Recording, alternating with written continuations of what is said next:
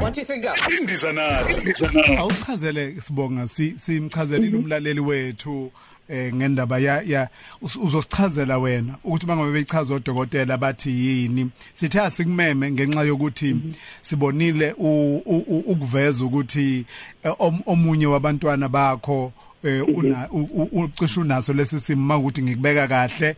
Waze Mhm. waveza nanendlela ke manje yokuthi uhlele senibekile njengabazali bakhe ukuthi uzofunda kanjani. A- asiqale mhlambe lapho nje ukuthi ngiqinisile ngishaya khona ngalokho engikushoyo U- ushaye khona ushaye kho- isikhonkosini impela I- igama lakho nganyeza umntana wa- wethulo wokuqala njengamanje uneminyaka ewu11 kwathi uma ngabe e- e- eneminyaka ezu18 eh waqala ungena icrash.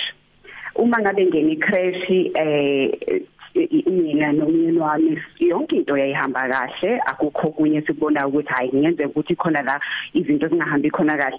Ku- kuze kufika isikhathi la eqeda khona iminyaka emibili esekhona ecrash uprincipal wakhe ngaleso sikhathi wasiza wahlalisa phansi wathi khona into engiyibonayo la ngonkanyezi sidila nabantwana aba group yakhe useklasini labantwana abalingana naye. Kodwa indlela enza ngakhona izinto ayifani neyezinye ingane eh yazi umuntu mangabe ezokubekela i- i- into ekanjalo ufike lindele noma yini ulindele ukuthi sibe kwi denial ulinde ukuthi silwise yena sisole yena ukuthi bahlule ukwenza umsebenzi wabo sebezobona amaphutha ngomntana wethu ini ini. Kodwa ngiyajabula nje ngihlale ngisho lokhu njalo sibuka ukuthi uNkulunkulu wasiza kakhulu mina noDumisana ukuthi sakwamukela ukuthi kuyenzeka ukuthi khona into ekhona edinga i-special attention ngonkanyezi. And ngicabanga ukuthi step sokuqala leso kubona bonke abazali. Uma u- usukwazi noma ukwazile ukwamukela ukuthi khona into edinga ukuthi ibhekisise la usuyilile into. Ngoba baningi abazali abasabhekene nje nalokho ukuthi eh ashaye phansi ngonyawo ukuthi akukho lutho olungahambi kahle ngomntana wami. And uma ngabe kukanjalo ziningi izinto ezingahambi kahle siku yes unkanyezi ngaleso sikhathi eh kwakunge kwangakabi isikhathi sokuthi usengadiagnosed ngeautism noma ngeADHD ngoba emva kwalokho samhambisa kodokotela and odokotela bathi ya khona into esiyibonayo ngonkanyezi e- e- e- esho ukuthi kungenzeka ukuthi kune autism kodwa ke u2 years usemncane kakhulu ukuthi sesingamdiagnose. So asilinde mhlawumbe azabe na 5 years. Kodwa kusukela ngaleso sikhathi ke sibube bese thina si si- sikwamukelile ukuthi kungenzeka ngempela ukuthi unayi autism kwathi kufika lo 5 years eh simhambisa futhi for any assessment kudokotela eh sithola ukuthi ngempela unayo iautism. Sabe si right ngoba bese sizilungiselela ingqondo zethu sizilungiselele nazo zonke indlela nje eh, eh, besicabanga ukuthi unkanyeza ngadinga ukusizakala ngazo. So kwa- kwaba right kwaba ukuthi nje sitshela ukuthi okay uNkulunkulu sibusisile ngumntwana one autism senze njani ke manje? So i- i- autism sibunye cabanga ukuthi kubalekile ukuthi siqale la ukuthi eh mhlawumbe khona umlaleli nje olalelo uthi autism yini yona leyo? Uyabona sichaze ukuthi yini kahle kahle. I- i- igama siyibiza ngeautism kodwa igama e- e- e- eliphelele kahle kahle autism spectrum disorder. And u- ngiyajabula ukuthi wena nomroza mangabe nikhuluma ngiyagcizelela ukuthi akusisi sifo kodwa isimo. We understand. Mm.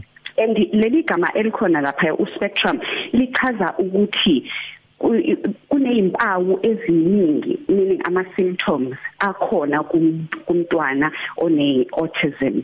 Eh a- a- maningi sibu maningi mawungaya kudokotela uzokutshela izinto eziningi ezi okungenzeka ukuthi zisho ukuthi umntwana uma ngabe nakho lokhu kungenzeka ukuthi une autism okungasho kodwa ukuthi uma ngabe nakho sekumele ukuthi umdiagnose ngokuthi une autism and i-spectrum sisho ukuthi khona abantwana eh a- abangaba ne-autism kodwa babe kwi-low spectrum bese kuthi kuyaqhubeka kuya phezulu okuyi high spectrum. U- u- i-low spectrum ila unkanyezi naye ke e- engena khona kuleso sigaba ngoba i- i- izimpawu zakhona zimbalwa compared to umntwana okwi high spectrum and enye into futhi eye- yenza abantu noma abazali kakhulu ukuthi babe eh nokuba in denial angazi ngayibeka kanjani kodwa nje ukuphika ukuthi no ayikho into wrong ngomntanami ayikho into e- ehlukile nomntana kumntanami kunabanye abantwana. Ukuthi kwesinye isikhathi umntwana one-autism uma umbuka ayikho into onga- ongayi- ongayikhomba uthi oh ngoba unje kusho ukuthi une-autism.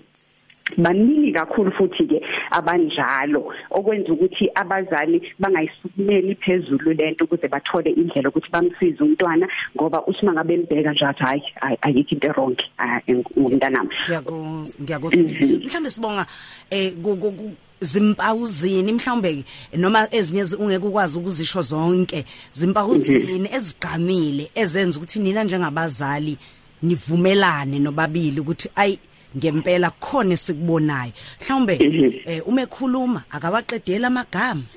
Eh mhlawumbe mhm. eh ikuphi uyabona ikuphi nje okunye enakubona ukuthi kugqamile nokujwayelekile? Umzali lesekhaya ongathi umelalela usibonga athi ngiyayibona lento mhlawumbe umethi umntana nami ngicela ukophuza amanzi akathi ngicela ukophuza amanzi. Mhlawumbe uvela qhamuke sethi amanzi.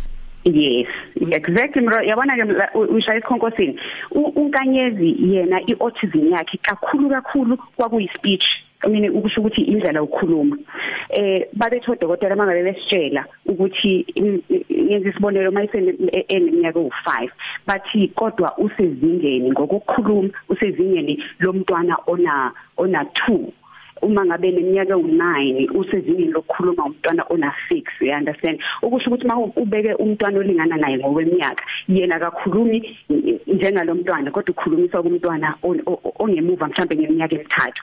So yabona ese ese kuleso stage eh la sekumele ngabe khona usekhuluma umusho ogcwele athi mama ngicela amanzi. Wayikhuluma njengobusho nje impela mroza athi amanzi. Kodwa kose kumele ukuthi sifundeke thina ukuthi okay ucela amanzi. Mayicela uyochama athi chama eh uyocela ukolala mbebe olala uyabona? Mm. so ukukhuluma iyona nto eyigqame kakhulu nkanyezi okunye futhi yes. Eh njengabazali akunenzeli mhlambe lapho ningazi ukuthi uqonda ukuthini mhlambe kuzo kuzo kube eh afike mhlambe sebe nokulwa nolaka abenye bethi abanye aggressive abe aggressive mhlambe abulala izinto endlini ngababulala iTV yashaya inkomishi phansi ngoba uyabondana imqondi abengafikelwa izimo ezinjalo. Mroza ngokwakhe yena kusuke usuke engazi obviously ukuthi abazali bami abaqonda ukuthi ngisho ukuthini. Angazi. Eh bangakutshela ochwepheshe ukuthi yini esukuyenzeka engqondweni yakhe. Kodwa yena ubona abantu abangam understand nje. Mhlawumbe abamthathi serious labantu ngicela into ukuthi ibona abantu abangakwazi ukuthi bangenzele leyo nto kodwa bangenzeli. Ngenxa ukuthi thina sinenqinamba ukuthi asimqondi ukuthi uthini. So yes definitely ubeba frustrated.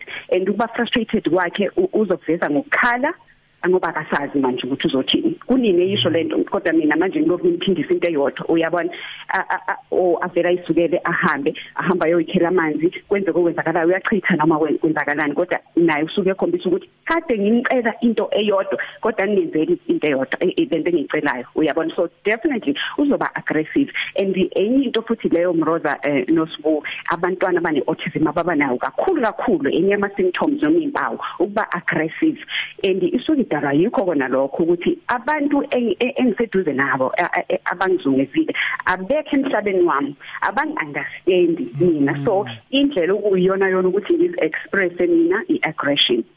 Abanye kuze kufike ekutheni uyashaya alume abanye abantwana naye sekuyindlela azi-expressa ngakhona hey nifikela nifike lapho em enithathe khona isinqumo sokuthi nizom uzofunda ngendlela engajwayelekile niyokufunda kwezinye ingane. Ngilangazelela ukuzwa ukuthi nifika kanjani lapho kubangelwa yini lokho yingoba isikole afunda kusona siyahluleka ukumqonda isimo sakhe noma yingenxa yokuthi isikole sithi ay akakulungela ukufunda lakithi ngathi ungamtholela isigaba esingcono sokukwazi ukufunda lapho bezokwazi ukumqonda khona ngoba ngizwile ukuthi kunohleleni makhela lona ukuthi afunde okungalona ojwayelekile. Asibu eh, uyabona indaba yesikole nabantwana abanezidingo ezifana nonkanyezi eh into engifisa ukuthi ngelinye ilanga cela ibheke futhi whether libiza umuntu owuchwepheshe lapho azokhuluma nje indaba yokufunda specifically ngoba kuningi kuningi okuthinta abantwana ikakhulukazi ngokufunda. Nathi sikufundile kulolu hambo lwethu nonkanyezi. Sibu unkanyezi use uneminyaka u11 njengamanje. Eh angikwazi ngisho ukubala izikole asedlule kuzona kuleminyaka nje u11 phela aseyiphilile. Eh baye bathi ngesilungu i trial and error. Okusho ukuthi ngizama lokhu ngibona ukuthi okay lokho akusebenzi ake sizame okunye. Sibona ukuthi kona kuzosebenza yini. Ayikho into wrong ngaleyo ngoba uma ngabe sengifike esigabeni sokuthi ngi understand ukuthi le journey noma lolu hambe sikulona kahle kahle akusilo olwethu kodwa olakankanyezi nizama ukubeka lapho ukuthi sizokwenza konke okusemandleni ethu ukuthi sithole isimo esimfanele yena. Lapho ezothola khona ukufunda ngendlela emfanele lapho ezothola ukujabula egcineni kunjengomntwana njengabo bonke abantwana kubalekile ukuthi impilo yakhe ibe nokujabula okuningi. Unkanyezi ngenhlanhla ukuthi ke sathola esaye esikoleni esisodwa esingasibiza ngokuthi isikole nje esihlanganisa bonke abantwana esijwayelekile. Nakhona for a lack of a better word ukuthi ukujwayelekile eh sizosebenzisa nje lelo gama namhlanje. Wahamba isikole esikanjalo isihlanganisile esisodwa. Kusukela lapho sase si researcher ngendlela eyisimanga izikole ezingakwazi ukubhekana nezidingo zakhe. Sizizamile sibu angazi ukuthi mm. zingaki. Kwazi kwafika kulesikhathi la ngo 2008 sithatha isinqumo khona ukuthi eh umntwana wethu akasingizamise okunye ke manje i homeschooling ube kwi remedial school. I remedial school lapho basuke bebhekelele khona abantwana abanezidingo ezispecial.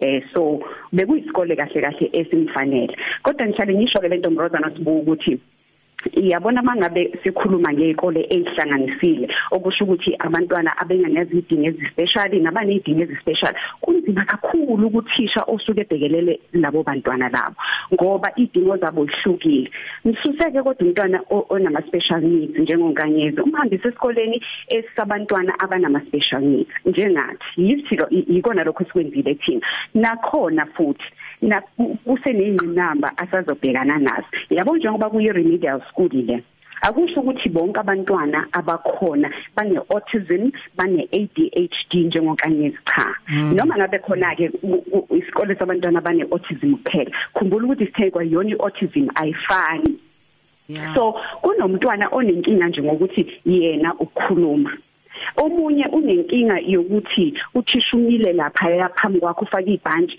kodwa akalifasanga phambili. And leyo nto iyamhlukumeza iyamhlukumeza. Ngendlela eserious futhi. Kunomntwana ukuthi uthisha mangabe sahleli la uzovela akhale nje esikhaleni. Ama emotions akhe amxake ngendlela esimangaliso akuhayize kungazi ukuthi kwenziwe kanjani. Omunye angakhali kodwa umbone sexuma xuma phezulu kwamadesk. Kunabanye njalo abantwana uthisha okumele ababhekelele abanedingo nabehluke ehlukene so iyona nto nathi evele yasiphusha kakhulu ukuthi mhlawumbe ke simzamele i-homeschooling la ezofundela khona ekhaya. Ngenkanhla eSouth Africa e, eminyakeni embalwa edlule i-homeschooling njengawo wonke amanye ama njengamazwe amaningi empeleni yenziwa yaba esemthethweni okusho ukuthi abazali base South Africa nabo sebengakwazi ukuthi bafunde bafundise abantwana babo emakhaya. And ngiyakusho futhi isibuna mrozo ukuthi i-homeschooling akusiyo eyabantwana abanama special needs. Homeschooling eyabo bonke abantwana. Mm. Noma ngabe unama needs special noma ngaba kanawo ungamfundisa ekhaya. And abazali abaningi baye bathukeke ngoba mangabezwa indaba ye homeschooling ukuthi ha lokho kusho ukuthi ngizomela afundiswe yimina ngangafundisa abani cha akunjalo. Kukhona nama institution abhekelele nje indaba ye homeschooling okusho ukuthi ba guide wena njengomzali ukuthi nazi izinto kuzomela ukuthi uzenze. Baphinde futhi bakunikeze nomuntu ozoba uthisha walowo mntwana. Okay oku uyazi sibonga usakhuluma kanjalo. Hey siyafisa ukuthi ngabe sisenesikhathi esiningi sikwazi ukuhlala kulolu daba. Kodwa thina njengabantu abamnyama besazi ukuthi makukhulunywa ngehomeschooling kukhulunywa ngabantu izigwili. Sicabanga futhi thina sazi ukuthi abantu abangathandi ingane zabo ihlangane nezethu ingane kusho ukuthi uncamela ukuthi ezakhe ingane azihlale ngazodwana. Manje besingazi ukuthi kanti kuvumelekile kusho ukuthi umuntu umzali osekhaya njengamanje usangayicabanga lento usangaye esikoleni nayo ixoxa le ndaba nothisha wakhe Yes, kakhulu mroza ngiyathanda ukuthi uyayisho futhi leyo nto leyo ngoba yabo lezo zinto ama assumption. Sisuke singazi singayenzanga research yethu ukuze sizame ukunderstand ukuthi labazali baze bathatha isinqumo esinje ngani konje yini ebaholela lapho. Uyabona wena ulalele mina njengamanje nomlalelo osekhaya ungalela. Uzobe sethi oh okay so usibanibani kungenzeka ukuthi wa yekisa umntwana wakho ukuthi ayisikoleni amfundise ekhaya. Hayi kanti bakithi ngoba besithi uyayitshela njengoba usho nje Mroza. Kanti kungenzeka ukuthi ayibhekene nezimo ezifana esifana nalesi. Yabona? Wacabangela umntana wakhe ukuthi nansi into ebest for yena. Eh, sibonga siyabonga kakhulu ngane yakwethu. Usinikeza ulwazi olubangalisayo. Sibonga njalo nokujula. Ninikeze isikhathi. Icwaninga kangaka eh ikhona inombolo mhlawumbe ke abantu abangafisa ukuthi bangizule nani ukuthi nane office lapha ya. Khona basebengasibulala ukuthi asanibanikanga kwanombolo ye office le noma i-email.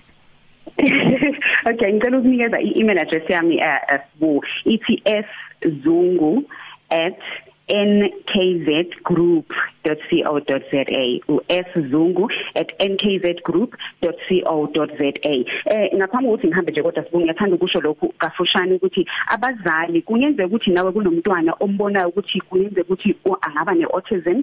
Mina ngikhuluma njengomzali angisiyo uchwepheshe. Mm. umuntu okufanelekile ukuthi ukhulume naye udokotela womntana wakho. Hamba kuyena eh nakhona futhi ngeke afike nje ambuka umntwana ebese yakutshela ukuthi une autism emsebenzini kuzomela ukuthi enze assessment. Ngoba egcineni anifisa ukuthola assessment sokuthi sengixeshe umntwana amaphilisi kanti ngitreat into wrong ngitreat into engekho uyabona? Kunezinye izinto okumele ngabe ngibhekana nazo kodwa ngingabhekani nazo. So umbono we-expert noma kachwepheshe ubaluleke kakhulu. And nawe nje umzali uzinike isikhathi sokuthi uyenze research yakho. I-internet isigcwele yonke indawo le. Kune kunabantu ababhekelele nje kuphela abantwana abanezimo ezikanje autism eh so ngahamba niye ku Autism Speaks noma i-Autism South Africa for more information. Sibonga kakhulu sibonga. Ngiyabonga kakhulu nami siboni nomroza nibe nosuku lomnandi ngibongile nangethuba. Awuzeke sibonga kakhulu. Sibonga kazunga kade sikhuluma nawe